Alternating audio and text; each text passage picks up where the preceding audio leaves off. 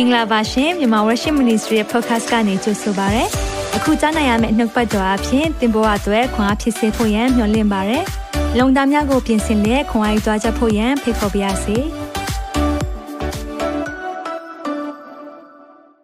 Good morning, good afternoon, good evening ဘာလို့အားလုံးကိုနှုတ်ဆက်တယ်ကဘာတဝမ်းမှာလုံးမှာရှိတဲ့ဘုရားကိုချစ်တဲ့သူများအားလုံးဒီနေ့မှာပြန်လည်ပြီးတွေ့ရလို့ယေရှုတင်တယ်ဘုရားနာမတော်အထူးပဲချီးမွမ်းပါတယ်အားလုံးပဲနေကောင်းကြပါသလားအခုလိုမျိုးတမန်ကျမ်းစာပြည့်စုံခြင်းတွေကိုဟောပြောသက်သေခံတဲ့အရာကတင့်ကိုခြောက်တာလည်းမဟုတ်ဘူးတင်းလောကမှာအသက်ရှင်တဲ့အရာမှာတင်းရဲ့အမြင်တွေပြောင်းစေဖို့ရန်အတွက်ဒီအရာကိုအမြဲတမ်းကျွန်တော်တို့ update လုပ်ပေးတာဖြစ်ပါတယ် ဆိုတော့ဒီလို update လုပ်ပေးဖို့ဆိုရင်ကျွန်တော်တို့အများကြီးလေ့လာရတယ်တစ်ချိန်တည်းမှာပဲအမြဲတမ်းစောင့်ကြည့်နေရတယ်ဆိုတော့ဒါမျိုးတွေကျွန်တော်တို့ဟောပြောသက်သေခံတဲ့အခါမှာမိတ်ဆွေကိုနားလဲစေချင်တယ်ဘေးကိုကြည်တာစိတ်ပြက်စရာတွေဖြစ်ရင်အထက်ကိုကြည်ပါအာမင်ဘေးကိုကြည်တာစိတ်ပြက်ရင်အထက်ကိုကြည်ပါအခုပုပ္ပနမိတ်တွေပတ်ဝန်းကျင်မှာဖြစ်တဲ့အရာတမာချမ်းစာပြည့်စုံတာအောင်တဖြည်းဖြည်း ညွန်ပြတယ်ပို့ပို့ပြီးဆိုးသွားဖို့ပဲရှိတယ်เนาะဒါအောင်လဲမိတ်ဆွေတို့နားလေစေခြင်းတယ်ဆိုတော့ကျွန်တော်ဟောပြောချက်ကအားတစ်ချိန်လုံးဆိုးဝါးခြင်းတွေပဲပြောနေတာမဟုတ်ပါဘူးမိတ်ဆွေဒီအခြေအနေကဒါကျွန်တော်တို့ရဲ့ယာယီတဲ့ဒီလောကကြီးကယာယီတဲ့ပြောပါအောင်ယာယီတဲ့ဆိုတာเนาะဆိုတော့ယာယီတဲ့ဖြစ်တော့ဒီမှာကျွန်တော်တို့ကအမြဲတမ်းပဲเนาะကိုကကိုယ့်ရဲ့ရွေချက်တွေမပြည့်သေးတော့သခင်ပြန်လာမှာတော့မှကြောက်နေတယ်လို့လို့တချို့ကရှိတယ်တချို့ပြောတယ်ဟာအလုပ်ပဲထွက်ရပြီးတော့တိုင်းထိုင်နေရတော့မှလားမဟုတ်ဘူးမဟုတ်ဘူးသခင်ပြန်လာတဲ့ နေ့အထိအလုပ်လုပ်နေရအောင်မယ်သခင်ပြန်လာတဲ့နေ့အထိကျွန်တော်တို့ကအမြဲတမ်းပဲကိုယ့်ရဲ့သွာလာလှုပ်ရှားမှုကရှိနေရမယ်ဒါပေမဲ့တစ်ချိန်တည်းမှာပဲကိုယ့်ရဲ့ရည်ရွယ်ချက်တွေကိုယ့်ရဲ့ပန်းနိုင်ဆိုတဲ့အရာဘာလဲအထက်အရာအထက်အရာတန်ကြီးပိုးရွာမဖြတ်စီနိုင်တဲ့ကောင်းကင်ဘန္နာဒီအချိန်မှာဆုရအောင်ဒါကိုပဲကျွန်တော်တို့တွေသွန်သင်နေတာဖြစ်တယ်ဒါကြောင့်မလို့တန်ရှင်သောဝိညာဉ်တော်ဘုရားကတင့်ကိုနားလေဖို့ဒီနေ့မဆာပါစေအာမင်ဒါကြောင့်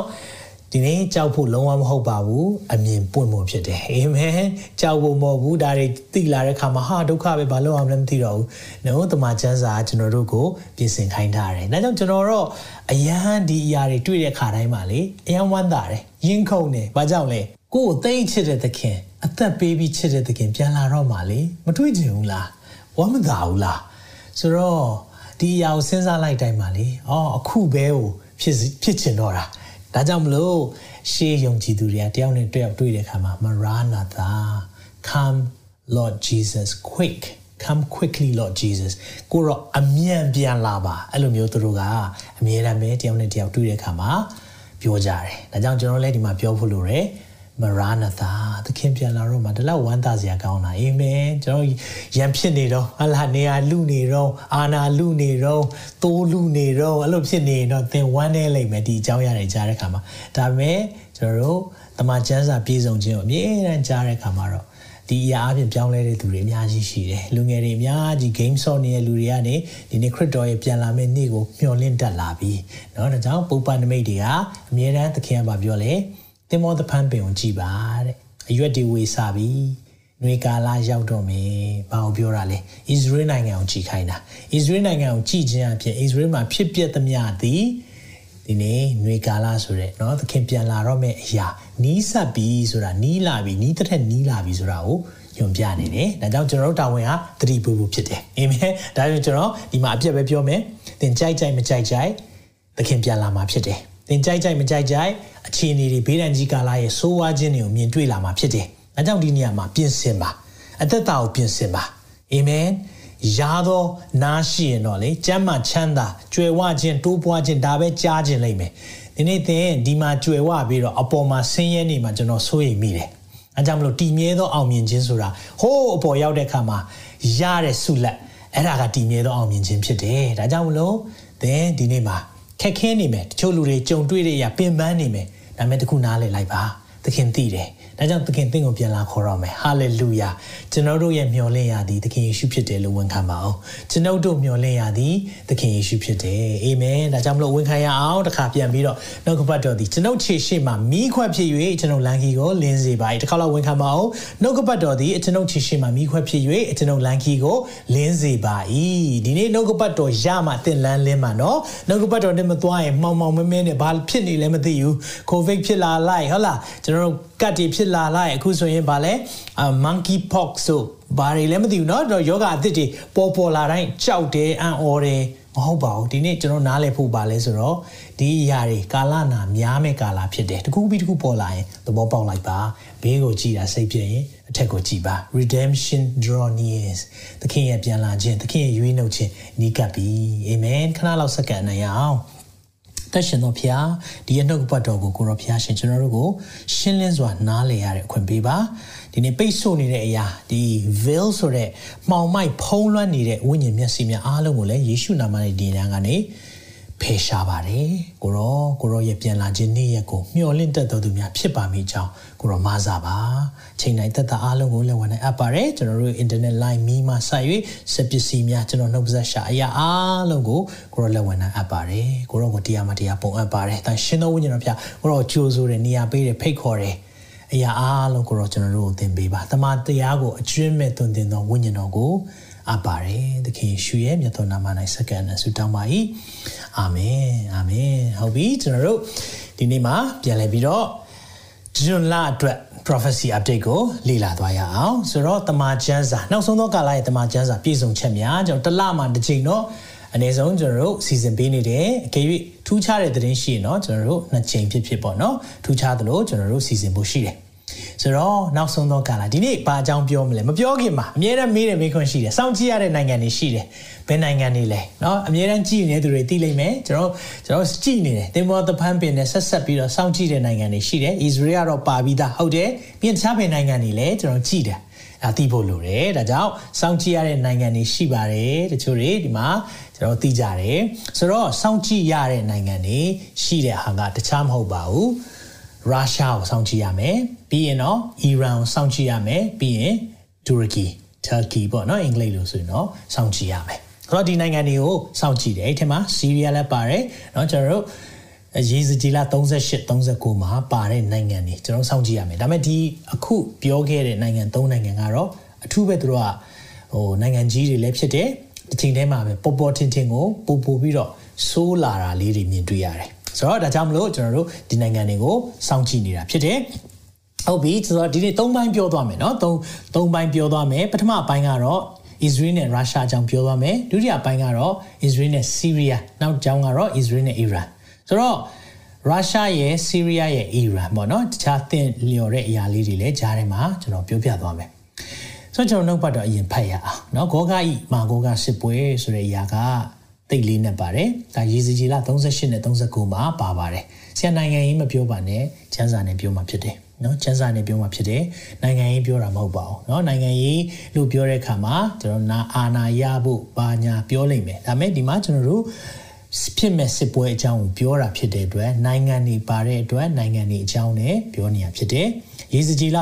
38အငယ်1ကနေ6ကိုဖတ်ချင်ပါတယ်တပန်ထာရဖြိုင်နှုတ်ပတ်တော်သည်ငါစီတို့ရောက်လာ၍အချင်းလူသား ယောရှပီမေရှက်ပီတူပူလာပီကိုအစိုးရသောမာဂောဂ၏ပြည်သားဂောဂမင်းတစ်ဖက်၌မျက်နှာထား၍ prophet ဖြစ်၍အရှင်သာရဖျား၏အမိန့်တော်ကိုစင့်ဆိုရမည်မှာယောရှမေရှက်တူပူလာပီတို့ကိုအစိုးရသောအိုဂောဂမင်းတင်းတစ်ဖက်၌ငါငါနေ၏တင့်ကိုငါပြန်လာစေမည်တင့်ပါယုတ်ကိုတန်ချင်းနဲ့ချိတ်ပြီးလင်တင်မဆိုင်ထူးဆန်းသောလက်နဲ့အမျိုးမျိုးကိုဆောင်းတော်သူဒိုင်းလွှားပါ၍ဓားကိုဆွဲကင်တော်သူအပေါင်းနဲ့မြင်းမြင်းစီတရဲ့ဘိုးကြီးအပေါင်းတို့ကိုငါဆောင်ခဲ့မည်ဒါပါနိုင်ငံလေ ဒီဂောကမင်းဆိုတဲ့အရာမေဂော့เนาะမာဂောကဘီဆိုတဲ့အရာကဣသရေလရဲ့မြောက်ဖက်စွန်းဖက်မှာရှိတဲ့နိုင်ငံခုနကကျွန်တော်တို့ဓာတ်ပုံကြည့်လိုက်တဲ့အခါမှာဣသရေလရဲ့မြောက်ဖက်တက်တဲ့မှာကရုရှားပဲရှိပါတယ်။ဒါကြောင့်မလို့ကျွန်တော်ယုံကြည်တယ်ဒါကတော့ prophecy teacher ဆိုတာကတော့ဒီ prophet future အနာဂတ်အကြောင်းအရာနဲ့ပတ်သက်ပြီးတော့လေ့လာတဲ့သူတော်တော်များများကဒီအာဂောကမာဂောကဆိုတဲ့အရာဒီ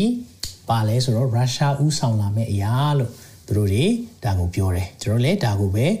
လေ့လာနေတယ်ဆိုတော့အဲ့ဒီမှာဆက်ပြောတဲ့အငယ်ငါ့ကိုကြည့်အောင်အဲ့ဒီမှာစိတ်ဝင်စားဖို့ကောင်းတယ်เนาะဆိုတော့ဒီမှာတော့တိတိကျကျကိုပို့ပြီးပြောထားတယ်အသီးသီးတိုင်းလွှားကန်၍တန်ခမောက်ကိုစောင်းတော့ပြောကြည့်အောင်ပေရတိပြည်သားပါရှာပါရှာဘာနိုင်ငံလဲအီရန်เนาะပေရတိပါရှာဆိုတာအီရန်ဖြစ်တယ်ပြီးရင်ကုရှเนาะအီသီယိုးပီးယားကုရှเนาะဖူတာလီဗီးယားပြီးရင် ဂေါမာနဲ့သူတက်များမြောက်ပြီးသားတောဂါမတူရကီခုထူးခြားတယ်တူရကီနိုင်ငံသူ့နာမည်တော့ပြောင်းလိုက်သေးတယ်တကီးယာနော်တတနော်သူတို့ရဲ့ခေါ်ဝေါ်တဲ့နာမည်လေးနဲ့နည်းနည်းလေးသူတို့ UN မှာသူတို့မှတ်ပုံတင်ထားတဲ့အရာလေးကိုပြောင်းတာလေးကိုလေထူးခြားစွာနဲ့တွေ့ရတယ်ဆိုတော့ကျွန်တော်တိတိတယ်ဒေါဂါမနော်ဒေါဂါမလှုပ်ရှားမှုတွေတွေ့နေရပြီဆိုတော့ဒီအရာနဲ့တဲ့လာတိုက်တော့မယ်တဲ့နော်ဆိုတော့ဒါကဂေါဂါမင်းကိုတန် တင့်ရဲ့ပါယိုးကိုတန်ချင်းနဲ့ချိတ်ပြီးခေါ်လာမယ်တဲ့ဆိုတော့အဲ့ဒီတန်ချိတ်ကြီးချိတ်ပြီးခေါ်လာတဲ့အရာလေးဒီနေ့တွေ့ရတယ်အဲကြောင့်ဒီနေ့ပြောမယ့်အရာအလန်းလေးနဲ့တဲ့ the countdown has begun အချိန်စလိုက်ပြီဘယ်လိုစတာလဲအချိန်ဘယ်လိုစတာလဲဆိုတော့အခုကကျွန်တော်သိတယ်ရုရှားဦးဆောင်ပြီးတော့လာတိုက်မဲ့အီရန်ပါမယ်တူရကီပါမယ်เนาะပြီးရင်လီဗီးယားတို့ပါမယ် ဒီနိုင်ငံတွေဥဆောင်လာမဲ့ဥစ္စာကိုကျွန်တော်တို့ကဘယ်လိုနားလည်ရမလဲဆိုတော့ countdown ဒီတိုက်ပွဲဖြစ်မယ်ဆိုတာကျွန်တော်သိပြီးသားဒါပေမဲ့ပြီးခဲ့တဲ့ရက်ပိုင်းမှာဖြစ်သွားတဲ့အဖြစ်အပျက်ကဒါကိုเนาะတရဝင်းစလိုက်တယ်လို့မျိုးဖြစ်သွားတယ်ဒါကိုကျွန်တော်ရှင်းပြခြင်းနဲ့ကြည့်ရအောင်ဆိုတော့ Israel နဲ့ Russia ကြားမှာနားလည်မှုတချို့ရှိတယ်เนาะသူတို့ဆီးရီးယားအစ္စရေးနဲ့ကပ်ရက်ဆီးရီးယားမှာရုရှားတပ်တွေရှိတယ် နေရာဆွဲထားတယ်အဲ့ဒီမှာလှုပ်ရှားနေတယ်နော်ဆိုတော့သူသိတယ်ရုရှားကလည်းသိတယ်ဒါသူတို့ရောက်နေတာတော်တော်ကြာပြီဆိုတော့ဆီးရီးယားမှာသူတို့ရဲ့လှုပ်ရှားမှုလေးတွေရှိနေတယ်ဒါပေမဲ့အံ့ဩဖို့ကောင်းတာကနော်ဒီရဲ့ရုရှားရှိနေတာကထူးခြားတယ်ဘာကြောင့်လဲဆိုတော့ဒီရေစကြီးလာ38 39စစ်ပွဲတော်ကိုသူကကြိုရောက်နေတာဒါကိုကျွန်တော်တို့ကနားလည်ထားတဲ့သူတွေကဒါကြည်တိုင်းမှာဟာအစ္စရေးတော့တရရက်မှာဝင်ပြီးတော့အတိုက်ခိုက်ခံရတော့မယ်ဆိုတော့ဘယ်အဖြစ်ပြက်တွေက နော်ရုရှားတိုက်ဖို့ရန်အတွက်ဖြစ်လာစီမလဲနော်စဉ်းစားတဲ့အခါမှာကြည့်တဲ့အခါမှာအထူးခြားဆုံးကတော့တခြားမဟုတ်ပါဘူးရုရှားရဲ့အခုချိန်မှာသဘာဝဓာတ်ငွေ့နော်ဆိုတော့ရုရှားအနေ gas တွေကိုဥရောပနိုင်ငံတွေဝယ်ရတယ်ဆိုတော့ဝယ်တဲ့အခါမှာဥရောပရဲ့လိုအပ်ချက်40ရာခိုင်နှုန်းလောက်ကိုရုရှားဖြည့်ဆည်းပေးနေတာပေါ့နော်ဆိုတော့အကြီးမားဆုံးတင်ပို့တဲ့သူတွေဖြစ်နေတဲ့အခါမှာဒါပေမဲ့ယူကရိန်းစစ်ဖြစ်တော့ရုရှားကိုသူတို့ကဒဏ်ခတ်ချင်တယ် နော်ဒဏ်ခတ်ချင်တော့ရုရှားရဲ့ gas ကိုမဝယ်တော့ဘူးလို့ချင်တာဒါပေမဲ့ပြဿနာပါလဲဆိုတော့ရုရှား gas ကိုမဝယ်ရင်တခြားမှာသွားရှာရတော့မှာလေဆိုတော့တခြားနေရာ gas လိုတယ်မဟုတ်ဘူးဆိုရင်တော့အာဒီဥရောပတတိုက်လုံးကဒီစောင်းရာသီမှာအေးခဲသွားတော့မှာเนาะစောင်းရာသီအရန်အေးတယ်ကျွန်တော်အင်္ဂလန်မှာ 10နှစ်နေခဲ့တဲ့အခါမှာကောင်းကောင်းသိတယ်ကျွန်တော် heater ပေါ့နော် radiator ခေါ်တာပေါ့နော်ဆိုတော့အပူကိုအမြဲတမ်းလွှတ်ထားရတယ်ဆိုတော့ကျွန်တော်အဝတ်လေးတွေလှမ်းကျင်တယ်ဆိုရင်အဲ့အပူနားမှာထားတာတော့အပေါ်မှာတင်ထားတာတော့စသဖြင့်ပေါ့အမြဲတမ်းအပူလွှတ်နေရတယ်နင်းလဲကြတက်တဲ့အချိန်ရှိတယ်အမြဲတမ်းအေးနေတာပေါ့နော်ဆိုတော့ဥရောပတိုက်ကအရန်အေးတဲ့ခါမှာဒီလိုမျိုး winter ပေါ့နော်အထူးသဖြင့်ဒီဆောင်းရာသီတွေမှာအပူရဖို့ရန်အတွက်သူတို့က gas နဲ့ပေါ့နော်လောင်စာသုံးပြီးတော့အပူပေးတာပေါ့ ဆိုတော့ရုရှားကိုလည်းဒဏ်ခတ်ချင်တယ်အချိန်မှာပဲရုရှားမယူတော့ဘူးဆိုရင်လည်းအေးခဲတော့မယ်ဆိုတော့သူတို့လိုက်ရှာလိုက်ရှာဘယ်မှာသွားတွေ့ရထင်လဲ Israel မှာသွားတွေ့တယ်เนาะဆိုတော့ Israel မှာအဲဒီမှာသွားတွေ့တဲ့အခါမှာဒီမှာကြည့်ရအောင်เนาะဆိုတော့ဒီဘက်ကတော့ဥရောပဥရောပဘက်ကပေါ့เนาะဒါ European Commission Commission President ပေါ့เนาะဆိုတော့သူရဲ့မျက်နှာပြုံးနေသူပြောတဲ့မိန်ကိုနားထောင်တဲ့ခါမှာအင်မတန်မှမျက်နှာလုံနေတဲ့စကားတွေပါတယ် နော်ဆိုတော့ဘာတွေပြောလဲဆိုတော့အာအစ္စရေးကလုံနိုင်မှာပါနော်အစ္စရေးဆိုတာကတော့နော်ဒါဒီမိုကရေစီနိုင်ငံလည်းဖြစ်တယ်အရှိနော်အရှိလေပိုင်းမှာဆိုတော့နင်တို့ဒီဒီလွင်တီးခေါင်ပေါ့နော်ဒီဒီ desert နော်ဒီလွင်ပြင်ငိုတောင်မှစိမ့်လန်းဖို့ရန် မင်းတို့လုံနိုင်ခဲ့တာပဲတဲ့နော်ဒါမျိုးတွေစကားတွေပြောလာတယ်ဘာလို့ဆိုတော့ gas တဘာဝဓာတ်ငွေလိုချင်တယ်ဆိုတော့နိုင်ငံရေးကလည်းအရင်ခြေပြတ်နေနော်နိုင်ငံရေးကပြီးတော့တကယ်ပဲဥရောပတို့နော်အခုအနောက်နိုင်ငံ UN ဆိုရင်လည်း Israel ကိုပြစ်ဒဏ်ချမှတ်ဖို့ကြီးပဲစဉ်းစားနေတာတစ်ချိန်လုံးသူတို့ကဒါခဏခဏလုပ်တယ်ဆိုတော့ resolution ခေါ်တာပေါ့နော်ဆုံးဖြတ်ချက်ခဏခဏချတယ်ဆိုတော့အောက်ဘုကောင်းတယ်ရုရှားတို့အီရန်တို့နော်ကိုရီးယားတို့နော်ဒီလိုဆိုးတဲ့နိုင်ငံတွေကိုဒီပြစ်ဒဏ်ချဖို့ เนาะဒီလိုမျိုးဆုံးဖြတ်ချက်ချတာထက်ကို Israel ပေါ်မှာပို့ပြီးတော့ဆုံးဖြတ်ချက်ချတာပိုများတယ်။အဟုတ်ကောနော်။ဆိုတော့ UN ကလည်းမတင်တော့ဘာကြောင့်လဲ။ပါလက်စတိုင်းတွေကလွတ်လပ်ခွင့်ရတဲ့နဲ့ပါလက်စတိုင်းတွေကဒါသူတို့ရဲ့နယ်မြေမင်းတို့ကသွားပြီးတော့နိုင်ငံတည်ထားတာ။ အဲ့ဒီမှာကျွန်တော်တမန်ချန်းစာနဲ့ချိန်ထိုးတဲ့ခါမှာအဲ့ဒါမဟုတ်ဘူးเนาะတမန်ချန်းစာထဲမှာအစကစ်ဆက်ဆက်ကနေလာခဲ့ပြီးသားဖြစ်တယ်เนาะဒါကိုလည်းအဲသူတို့ကမသိတဲ့ခါမှာအမြဲတမ်းပဲ Israel ပုံမှာထိုးနေတယ်ဒါပေမဲ့အခုကျလေတံပြောင်းလာပြီလိုလာပြီလေเนาะ gas လိုလာပြီဆိုတော့ Israel ကနေတင်ပို့မယ်ဒါပေမဲ့ Israel ကနေဘယ်ကနေတဆင့်သွားမလဲဆိုတော့ Egypt နိုင်ငံကနေဆင့်သွားမယ် ဆိုတော့ Egypt နိုင်ငံကနေတဆင့်သွားရမယ်ဆိုတော့ဘာလုပ်မလဲဆိုတော့ Israel ကဒီ gas ကအငွေ့ကိုเนาะအဲ့အငွေ့ကိုသူကအခဲအဖြစ် ရေပေါ့နော်ရေပုံတံအရေအဖြစ်ပြောင်းပြီးတော့ပိုက်တီနဲ့ပို့ဖို့ရန်အတွက်အခုစဉ်းစားနေတယ်ဆိုတော့ဒီဥစ္စာကတော့ချက်ချင်းတော့ပို့နိုင်အောင်မှာမဟုတ်ဘူးပြောပုံရတော့လေးလာမိတလောက်တော့အာတစ်နှစ်နှစ်နှစ်နှစ်အနေငယ်ကြာနိုင်တယ်ပေါ့နော်ဒါပေမဲ့အခုချိန်မှာရုရှားဘက် ကယူထားတဲ့ gas တွေကိုတဖြည်းဖြည်းလျှော့ရင်းနေပေါ့နော် Israel ဘက်ကနေသူတို့ကယူမယ်ဆိုတဲ့သဘောပေါ့ဒါပေမဲ့ Israel ကတော့40ရာခိုင်နှုန်းလောက်အထိပေးနိုင်မယ့်သဘောတော့မရှိဘူးအာဒီထက်တော့နည်းမှာပေါ့နော်ဒါပေမဲ့မရှိတာတဲ့ဆိုင်ရင်အခုချိန်မှာလိုအပ်လာပြီဖြစ်တဲ့ခါမှာဥရောပသမဂเนาะဥရောပနိုင်ငံတွေကအခုချိန်မှာ gas တွေဒါကเนาะ15ရက်နေ့ဇွန်လတုန်းကဖြစ်သွားတဲ့အရာပေါ့เนาะဆိုတော့ countdown ကစလိုက်တာပဲရုရှားစိတ်ဆိုးမှာပေါ့เนาะသူတို့ရဲ့ သူတို့ရဲ့တဘာဝတန်းငွေရောင်းနေတဲ့စီးပွားရေးကိုလာဖြတ်တယ်ခုနကျန်းစာတွေမှာပြောလဲတင့်ပါယိုကိုဆွဲပြီးတော့ခေါ်လာမယ်အခု attention ရသွားပြီเนาะရုရှားကဒါကိုကြည်နေတာ attention ရသွားပြီဆိုတော့ကျွန်တော်တို့တွေဒါအရန်ကိုဒီအချိန်ကဟာစပြီပဲเนาะဒါကြောင့်ဒီနေ့ဒါအခုအများကြီးဒီရဲ့နောက်ပိုင်းမှာရုရှားနဲ့အစ္စရေးကြားမှာတင်းမာမှုတွေပိုပြီးများလာနိုင်တယ်လို့သုံးသပ်ကြတယ်ဆိုတော့ အခုဒီမှာပြောသွားတယ်ဆိုတော့ဒီမျိုးသမီးကเนาะဒါဒါအခုဒီဥရောပကိုအစ္စရေးကနေတိုက်ရိုက်ပို့ဖို့တဲ့အခုအီဂျစ်ကနေတဆင့်ပေါ့เนาะပို့ရမယ်ဒီလိုမျိုးတွေသူတို့လှုပ်လာတိုင်းဒါကြောင့်မလို့ဒီမှာဆိုရင်၃၃နိုင်ငံသဘောတူညီချက်သူတို့လက်မှတ်ရေးထိုးတယ်ဒါ15ရက်နေ့ဇွန်လမှာเนาะဆိုတော့သူကဘာပြောလဲဆိုတော့ historic agreement သမိုင်းဝင်သဘောတူညီချက်ဖြစ်တယ်လို့ဒီရဲ့ဥရောပကိုကိုစားပြုတဲ့အမျိုးသမီးကပြောလာတယ် เนาะမှန်တယ်တခါမှဒါမျိုး Israel နိုင်ငံကသူတို့ရဲ့တဘာဝတန်းငွေတွေရောင်းမယ်เนาะဒါတွေနိုင်ငံတွေကိုဒီလိုတင်ပို့မယ်ဆိုတဲ့အရာတွေကအရင်တော့မရှိခဲ့ဘူးပိုပြီးထူးဆန်းတာပါလဲဆိုတော့အခုလက်ရှိเนาะ Israel မှာအာဏာရနေတဲ့ညွန့်ပေါင်းဆိုရပေါ့เนาะဒါ coalition government ဆိုတာပါတီတွေ၈ခုလောက်တင်ပါတယ်เนาะပေါင်းထားတယ်ဆိုတော့အဲ့လိုပေါင်းထားတဲ့ အဖွဲ့အစည်းကသူတို့က liberal ဆန်တာပေါ့နော်နည်းနည်းပို့ပြီးတော့ဟိုလွတ်လပ်တယ်လက်ဝဲနည်းနည်းရိမ့်တာပေါ့နော်ဆိုတော့ဒီအဖွဲ့တွေကဘလို့အများတန်းပြောလဲဆိုတော့ gas တွေကမကောင်းဘူးဒါသဘာဝပတ်ဝန်းကျင်အတွက်ညဉ့်ညမ်းတဲ့အရာတွေဖြစ်တယ်ဆိုပြီးတော့အများတန်းအများတန်းဒါတွေကဟိုပြောနေတာပေါ့ဒါပေမဲ့သူတို့တကယ်တမ်းကျတော့အခုချိန်ကျတော့လိုလာပြီလေဆိုတော့တကယ်တော့ Israel အစိုးရကလေသူတက်တက်ချင်းမှာသူတို့ gas တွေ ထုတ်တာတွေပိတ်ပစ်မယ်တွေပါတယ်အရင်ကလှုပ်ထားတာเนาะဒါပေမဲ့အခုတူးကြတယ်အခုကျတော့ဥရောပတစ်ခုလုံးကလိုအပ်လာတယ်ဖြစ်တဲ့ခါမှာဟာတဲ့သူတို့ပြောထားနော်ဟိုရွေးကောက်ပွဲမတိုင်ခင်မှာ gas တွေပိတ်မယ်စီတွေနော်တူးတာတွေပိတ်မယ်ဆိုတော့အခုသမ္မတဂျိုးဘိုင်ဒန်လဲနော်ဒီຢာကိုလှုပ်လာပြီသူတို့စတက်တုန်းကတော့ fossil fuel လို့ခေါ်တယ်နော်ဆိုတော့ဒီစီတွေတကယ်တော့အမေရိကမှာစီသိပ်ပေါ်တာဆိုတော့ energy independent ဆိုတာကစွမ်းအင်လုံလောက်တယ်ဘာမှအပြင်ကယူစရာမလို ဒါပေမဲ့အဲ့ဒါတွေကိုသူကပိတ်ချပစ်တာပေါ့နော်ဘိုင်ဒန်ကဒါတွေမလုပ်ဘူးသူတို့ရဲ့နော်နော်ဒါဒီ democrat ရဲ့ policy ပေါ့သူတို့ရဲ့မူဝါဒကဒါတွေမလုပ်ဘဲနဲ့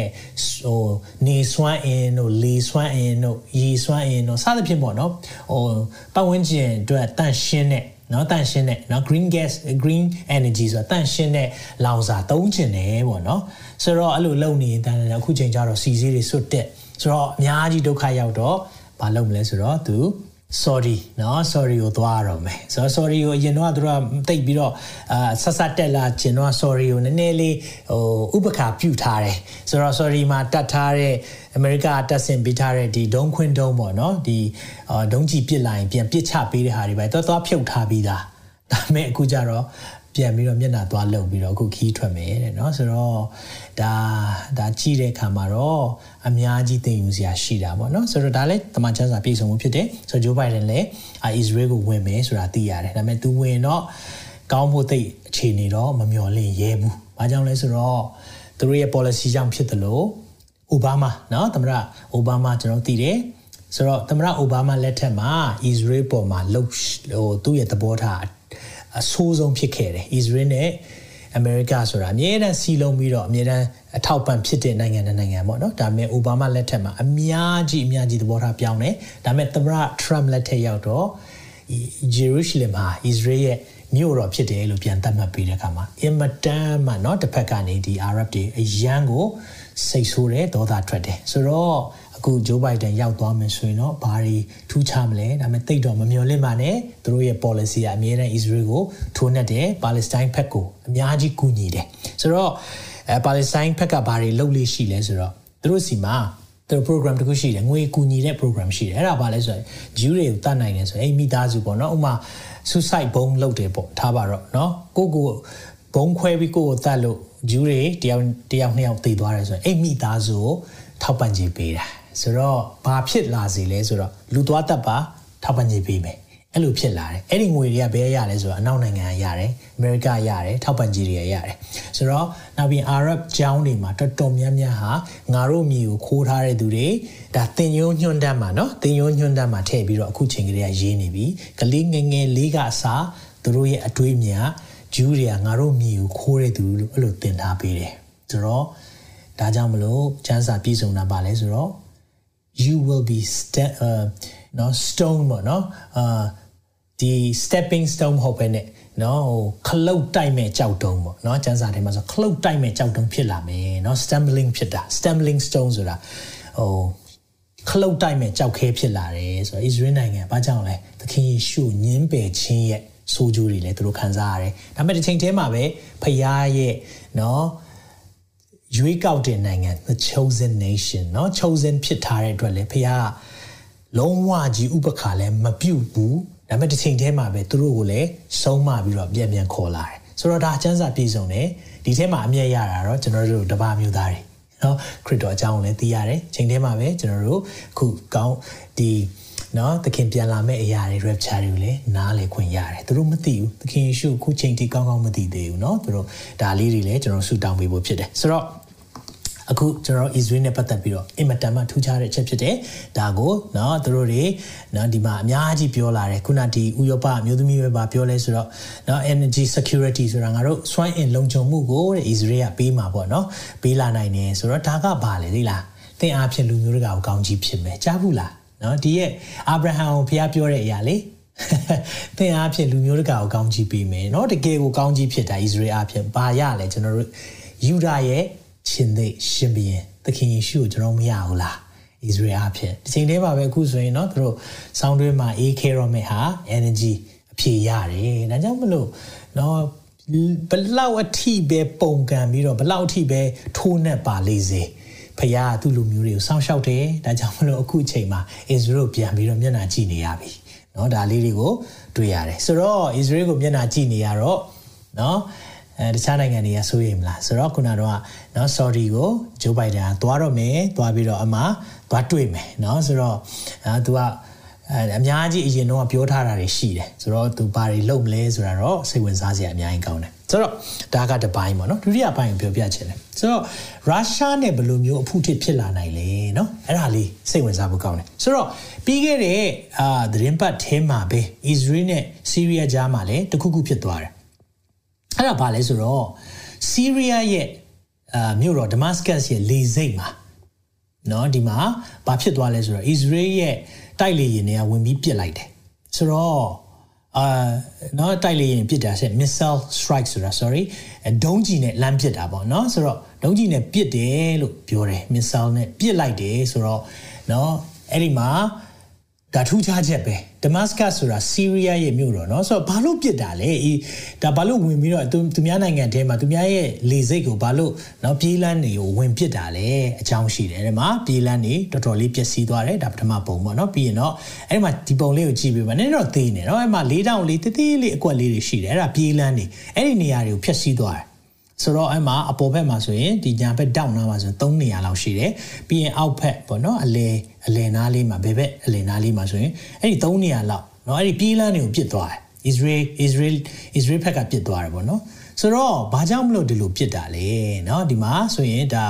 เนาะဟို passenger တွေဒီခီးသွားတွေဒီလိုနေတဲ့နေရာတွေပါတချို့နေရာပျက်စီးသွားတာတွေ့ရတယ်ဆိုတော့ဒါကဒီမှာဆိုရင်တော့ဒီဓာတ်ပုံကတော့ဂျွန်လ17ရက်နေ့တော့သူတို့ထုတ်ဖော်တဲ့အားပေါ့နော်သူတို့ဖော်ပြတဲ့ပုံဖြစ်တယ်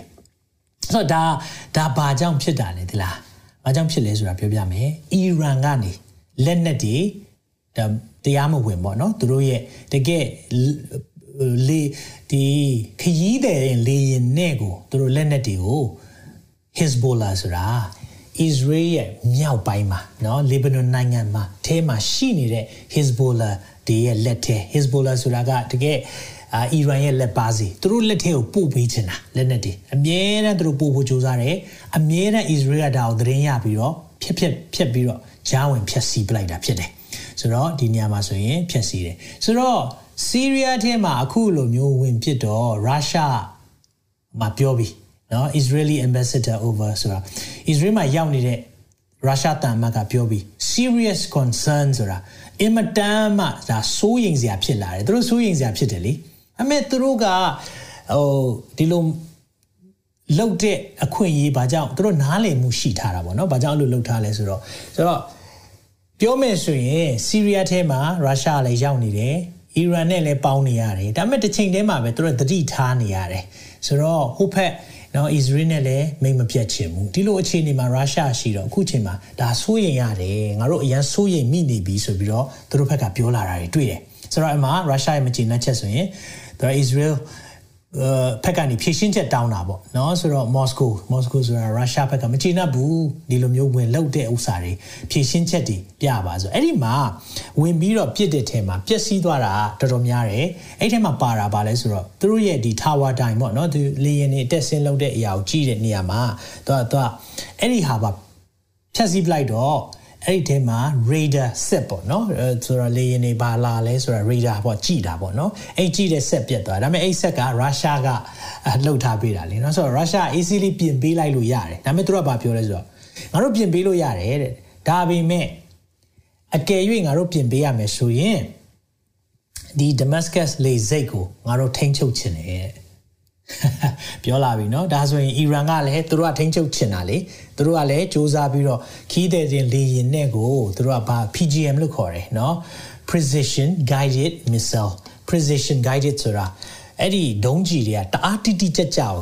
လှုပ်လို့ရတယ်ပြစ်တာပြစ်လိုက်ပြီးဒီတိုင်းထိချင်တဲ့နေရာထိမဟုတ်ဘူးသူတို့ကလမ်းထိအောင်ကိုထိန်းချုပ်ပြီးတော့ပြစ်လို့ရတဲ့အဲ့ဒီလက်နက်တွေကိုเนาะသူတို့ရဲ့လက်ပါစီဖြစ်တဲ့ Hezbollah လက်ထဲကိုထည့်ပေးချင်တာ ဒါလုံနေတာကြာပြီ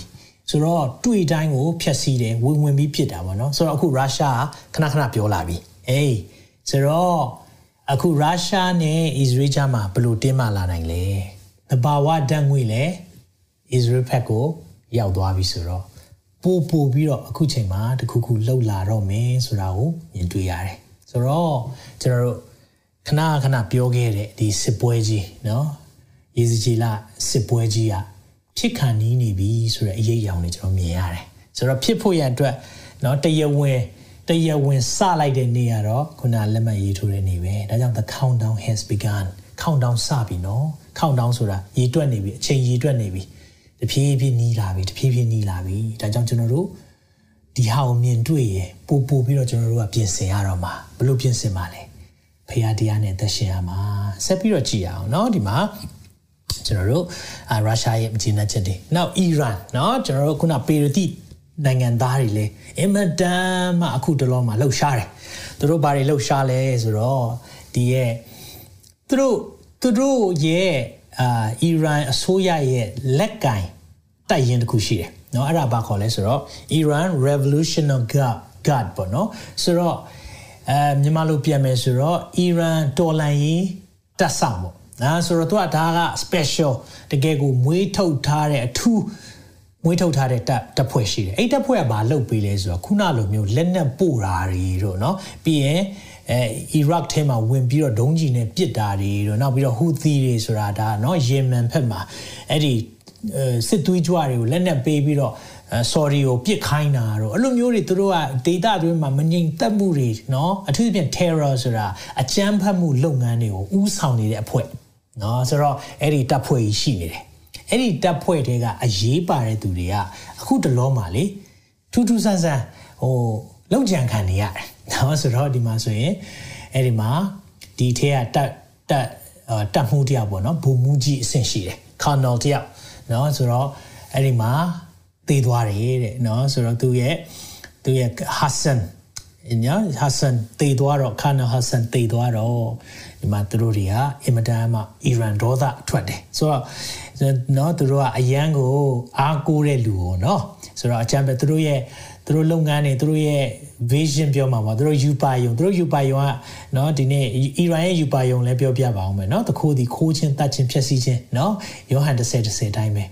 ဆိုတော့တခိုးမဲ့တတ်မဲ့ဖြည့်ဆည်းမယ်အမေရိကကိုသူကဘယ်လိုခေါ်လဲဆိုတော့ big satan လို့ခေါ်တယ်စာတန်အကြီးကြီးတဲ့ Israel ဘယ်လိုခေါ်လဲဆိုတော့ small satan စာတန်အငယ်လေးတဲ့အဲ့လိုပဲခေါ်တာဆိုတော့သူတို့အဲတောက်ကြနေတိုင်းเนาะပလီတက်တိုင်းမှာဗာပြောလဲ death to america death to israel အမေရိကတည်ပါစေ israel တည်ပါစေဒါပဲချိန်ဆနေတာချိန်လုံးဆိုတော့ဒီအဖွဲ့တွေကဘာလဲလောက်လာလဲဆိုတော့အခုချိန်မှာ nuclear တပ်ပေါင်းဖို့เนาะအခုအခုဒီဟာလဲဟိုတလောကမေလာတော့ပြောခဲ့ဘူးပါတယ် သူတို့ယူရေနီယံတန့်စင်တာကို90ရာခိုင်နှုန်းဆိုဘုံတစ်လုံးစာဖြစ်ရှိသွားပြီဆိုတော့ဘုံဘုံဖြစ်သူတို့ကလုံနေတယ်လုံနေပြီလို့ပြောလို့ရတယ်နော်ဆိုတော့ဒါမြေအောက်လှိုင်ကူထဲမှာသွားလို့တော့အစ္စရေးကအမေရိကအကူအညီတောင်းတယ်ဂျေစုပြည့်ရေပေါ့နော်အဲ့လိုမျိုး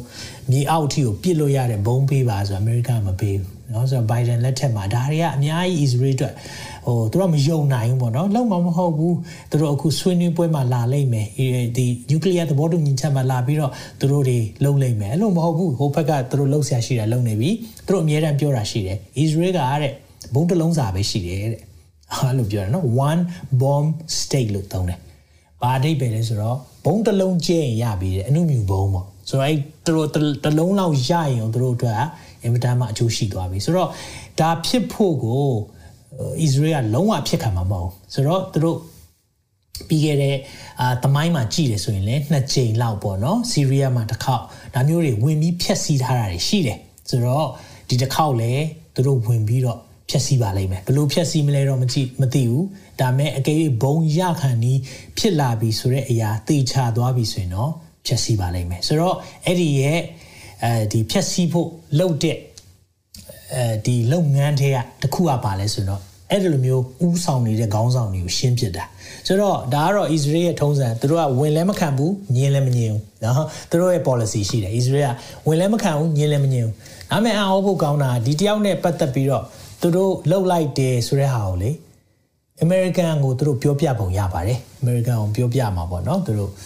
အဲ့ဒါနဲ့အခု Washington Post ကနေရေးထည့်လိုက်တယ်ဒါက Israel လက်ချက်ဖြစ်တယ်လို့ American အမိမဖော်လို့တဲ့ American အကြီးကဲတရားကိုပြောတယ်တွေ့လားဆိုတော့အဲ့ဒီမှာအီရန်တွေကအစတော့သူကရိုးတဲ့အဆင့်ပေါ့နော်ဒါဒါဒီလိုသေးတာကတော့ဒါ Israel လောက်တာပဲဖြစ်လိမ့်မယ်ဒါပေမဲ့အခုကျတော့ America ဖော်ကောင်လုပ်တယ်လို့ဖြစ်နေဒါကြောင့်ကျွန်တော်တို့ America အတွက်အမြဲတမ်းကျွန်တော်တို့ဟိုဆူတောင်းပေးဖို့လိုတယ် နော်ချိန်လုံးဒီလိုမျိုးလုပ်နေတာပေါ့နော်ဆိုတော့အမီမဖော်လို့တဲ့တရားဆိုတာတိသွားတာပေါ့နော်တရားဝင်တိသွားတဲ့အရာလေးတွေပေါ်သွားတယ်ဆိုတော့ဒါကိုကြည့်တဲ့အခါမှာအခုဒီမှာတရားဒါပဲမဟုတ်အခုဆိုရင်ဒီရက်ပိုင်းအတွင်းမှာတင်ကို၄ယောက်လောက်ရှိတယ်ဒီလိုမျိုးနည်းနည်းဟိုအရေးပါတဲ့ခေါင်းဆောင်ပေါ့နော်ဒီအီရန်ရဲ့လက်ရွေးစင်တက်ပဲပြောပါဆိုနော် Revolutionary Guard ဆိုတော့ IRG လို့အတူကောက်ခေါ်တယ် Iran Revolutionary Guard ဆိုတော့ IRGC ဒီအဖွဲ့ရဲ့ အဲဒီခေါင်းဆောင်လေးတွေနောက်ပြီးတော့ဒီလိုအကြမ်းဖက်မှုကိုအာကင်တဲ့အဖွဲ့တွေဒီရဲ့ခေါင်းဆောင်လေးတွေကိုအခုစပြီးတော့ရှင်းတယ်ဘယ်သူလောက်တာလဲတော့မသိဘူးเนาะဖြစ်နိုင်တာကတော့ Israel လို့တော့ပြောကြတယ်သူတို့ကဝင်လည်းမခံဘူးညင်းလည်းမညင်းဘူးเนาะဒါသူတို့ရဲ့ policy ဖြစ်တယ်ဆိုတော့အဲ့လိုမျိုးလေးတွားနေတာဖြစ်တဲ့အတွက်ကြောင့်မလို့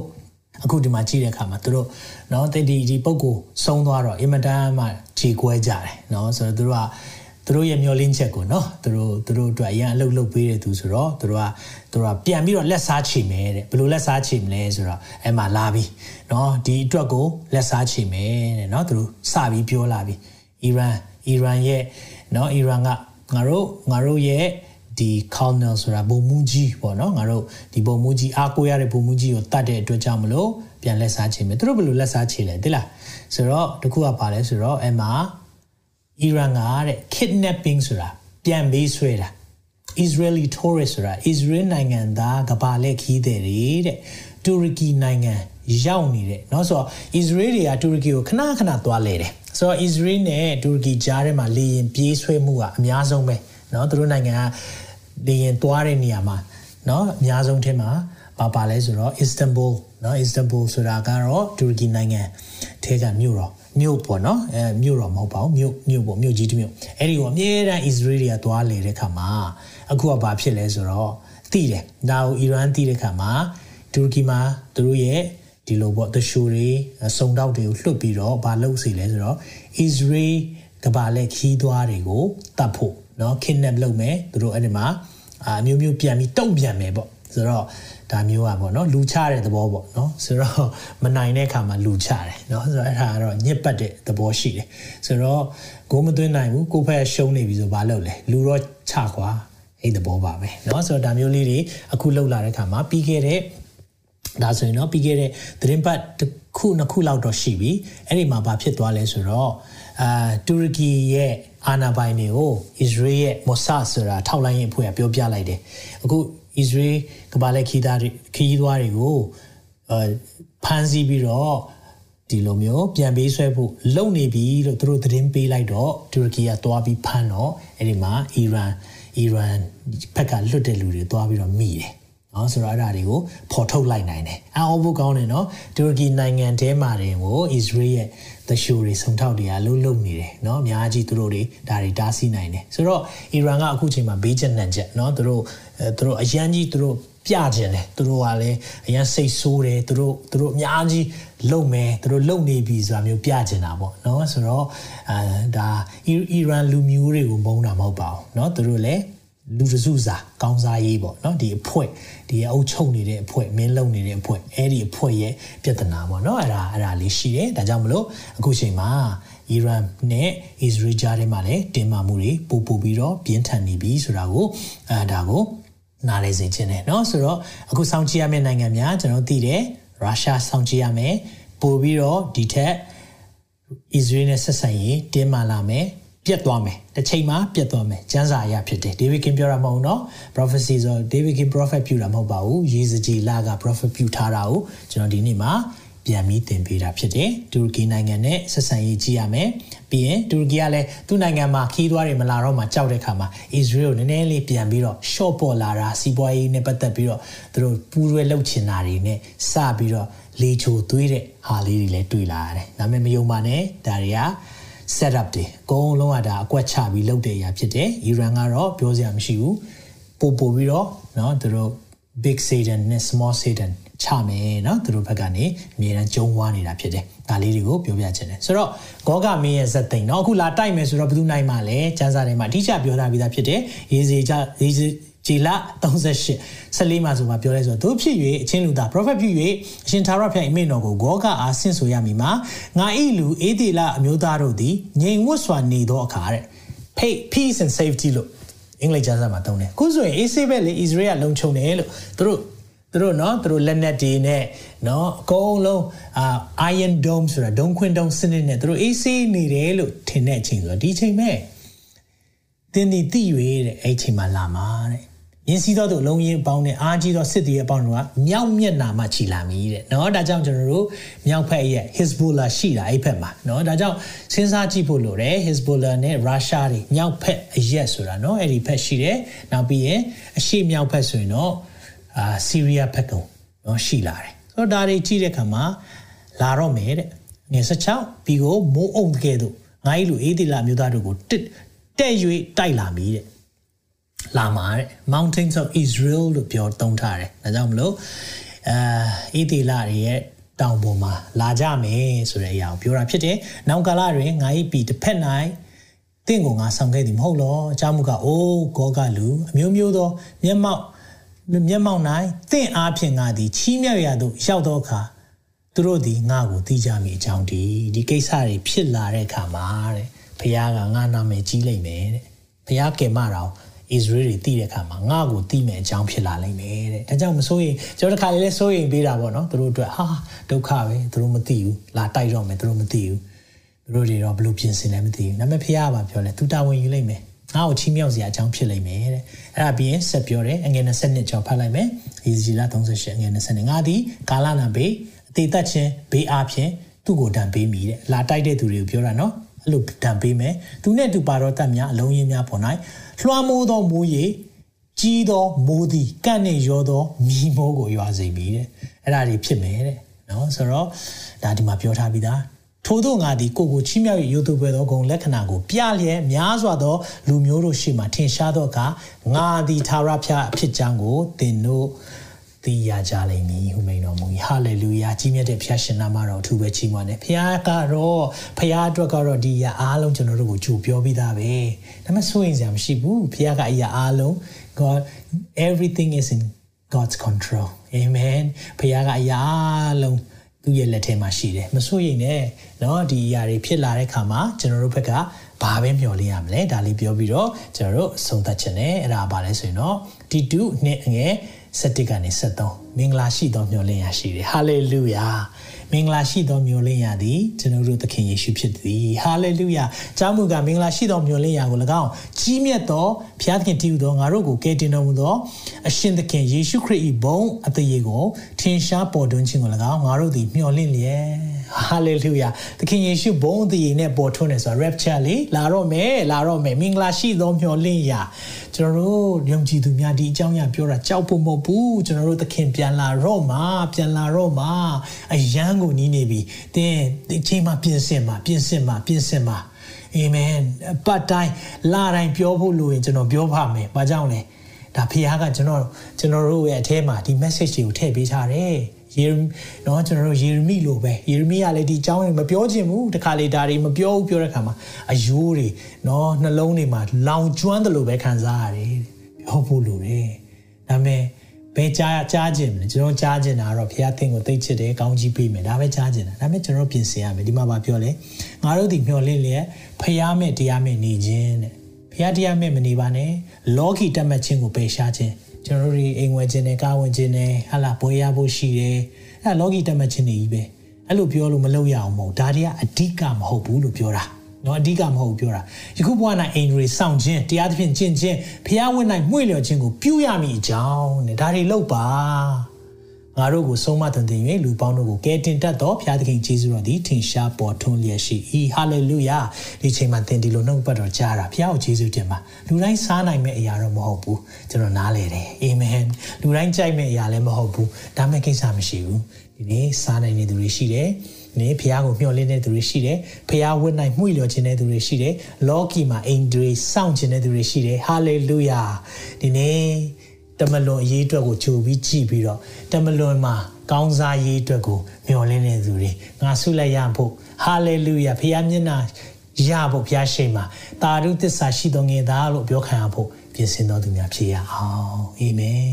သရှင်တော်ဖျားနာမတော်ကိုချီးမွမ်းပါတယ်ဒီနှုတ်ကပတ်တော်အဖင်ကိုရောတယောက်ချင်းစီရဲ့အသက်တာကိုပြင်ဆင်ဖို့ရန်အတွက်တာ၍တာ၍တာ၍ကိုရောတောက်လောင်စေပါကိုရောကျွန်တော်တို့ဒီလောကမှာနေတာခဏပဲဖြစ်ပါတယ် ဒီချိန်မှာကျွန်တော်တို့ရန်ဖြစ်ဖို့စကားများဖို့နေရာလူဖို့အာဏာလူဖို့နဲ့အချိန်ကုန်သောသူများမဖြစ်ပါစေနဲ့ကိုရောကိုရောရဲ့တည်င်းစကားကိုရောရဲ့ကေရင်ချင်းနဲ့တမန်တရားကိုဝင်ငှသောသူများဖြစ်စေပါကိုရောမင်္ဂလာရှိသောမျိုးလေးရာယေရှုကိုမျှော်လင့်ပါတယ်မရနာသာ come lord jesus ကိုရောအမြန်ကြွလာပါကိုရောအမြန်ကြွလာပါကိုရောကိုမျှော်လင့်ပါတယ်ယေရှုနာမ၌ဆုတောင်းပါ၏အာမင် သင်ဒါပထမဆုံးချိန်ကြည့်တယ်ဒီဟာတွေကြားတဲ့အခါမှာသင်မ ready ready မဖြစ်ဘူးလို့သင်ခံစားရတယ်ဆိုရင်ဒီနေ့မှာသခင်ယေရှုနဲ့သင်ကိုမိတ်ဆက်ပေးခြင်းတယ်ကျွန်တော်တို့ဒီအကြောင်းတွေပြောပြီးစိတ်မပြတ်တာအကြောင်းရှိတယ်။ဘာကြောင့်လဲသိလားကျွန်တော်တို့ကလေထာဝရအသက်ဆိုတဲ့ဖျားပေးမဲ့ everlasting life ဘယ်တော့မှမသေးတဲ့ဝိညာဉ်အသက်ကောင်းစားရေးကိုရရှိထားလို့ဖြစ်တယ်။ဒါကြောင့်ကျွန်တော်တို့မတုံ့လှုပ်ဘူး။ဒီအရာတွေဖြစ်လာတဲ့အခါမှာကျွန်တော်မကြောက်ဘူး။ဘာကြောင့်လဲ။သ ခင်ယေရှုကျွန်တော်တို့ကိုလဝါကားတိုင်းမှာအသေးခံခြင်းကိုနားလည်လို့ဖြစ်တယ်။အကယ်၍သင်ကဒီအရာကိုဒီနေ့မှကြားလို့သခင်ယေရှုကိုလက်ခံခြင်းနဲ့သခင်ယေရှုကိုကိုယ့်ရဲ့ဘဝအနံ့ခြင်းနဲ့ကိုယ် ready မဖြစ်ဘူးမသေးချအောင်ငါဒီညတည်သွားမယ်ဆိုရင်ကောင်းငင်သွားမလားငရဲသွားမလားမသေးချဘူးဆိုရင်ဒီနေ့မှဆုံးဖြတ်လို့ရတယ်။ Amen assurance of salvation ကယ်တင်ခြင်းစိတ်ချမှုအတွက်သင်ဒီနေ့မှာ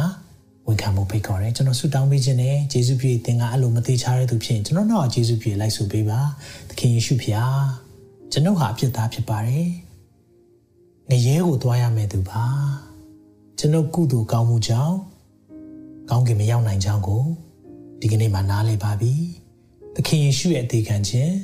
အသွေးသွင်းခြင်းနဲ့ရှင်ပြန်ထမြောက်ခြင်းကြောင့်ကျွန်ုပ်သည်သာဝရအသက်ရကြောင်း သိရှိနားလည်ပါပြီကျွန်ုပ်ဘဝကိုအုပ်ဆိုးဖို့ရန်အတွက်ဖိတ်ခေါ်ပါတယ်ကျွန်ုပ်အသက်တာကိုသခင်ယေရှုလက်ဝင်၌အနံပါတယ်လမ်းပြပါတန်ရှင်သောဝိညာဉ်တော်ဖျားပို့ဆောင်ပေးပါသခင်ယေရှုရဲ့မြတ်တော်နာမ၌ဆုတောင်းပါ၏အာမင်အာမင်သင်ဒီဆုတောင်းချက်ကိုတောင်းနေဆိုရင်ကျွန်တော်ယုံကြည်တယ်။ဒါ ready ဖြစ်ဖို့ခြေလမ်းလှမ်းနေတာဖြစ်တယ်။ hallelujah ဘေးကိုကြည်တာစိတ်ပြည့်ရင်အထက်ကိုကြည်ရအောင်။ အာမင်အာမင်ဖျာရှင်အရောက်ချင်းစီတိုင်းကိုအထူးကောင်းကြီးပေးပါစေ။ထာဝရဘုရားသည်သင်ကိုကောင်းကြီးပေး၍ဆောင်မတော်မူပါစေသော။ထာဝရဘုရားသည်သင်၌မျက်နာတော်အလင်းကိုလွှတ်၍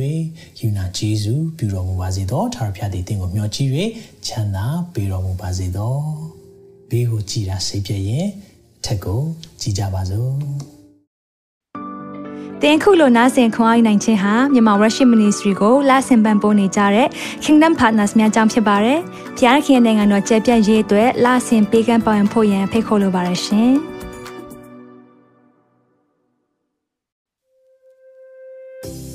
အခုကြားနာခဲ့ရတဲ့နှုတ်ပတ်တော်အဖြစ်ခွန်အားရရှိမဲ့လို့ယုံကြည်မျှော်လင့်ပါတယ်။ခွန်အားရဆိုလို့ရှိရင်ဒီတစ်ပတ်နဲ့ပြန်လည်ဝင်မြပေးဖို့ရန်တောင်းဆိုပါရစေ။ မြန်မာ Worship Ministry ရဲ့ website myanmarworship.com ကိုလည်းလာရောက်လေ့လာဖို့ရန်အတွက်ဖိတ်ခေါ်ချင်ပါတယ်။တချိန်ထဲမှာမြန်မာ Worship Ministry ရဲ့ social media platform များဖြစ်တဲ့မြန်မာ Worship YouTube Channel, မြန်မာ Worship Facebook Page နဲ့မြန်မာ Worship Instagram များကိုလည်းလာရောက်လေ့လာဖို့ရန်အတွက်ဖိတ်ခေါ်ချင်ပါတယ်။နောက်တစ်ချိန်မှာပြန်လည်ဆုံတွေ့ကြပါစို့။ဖျားရှင်ကောင်းကြီးပေးပါစေ။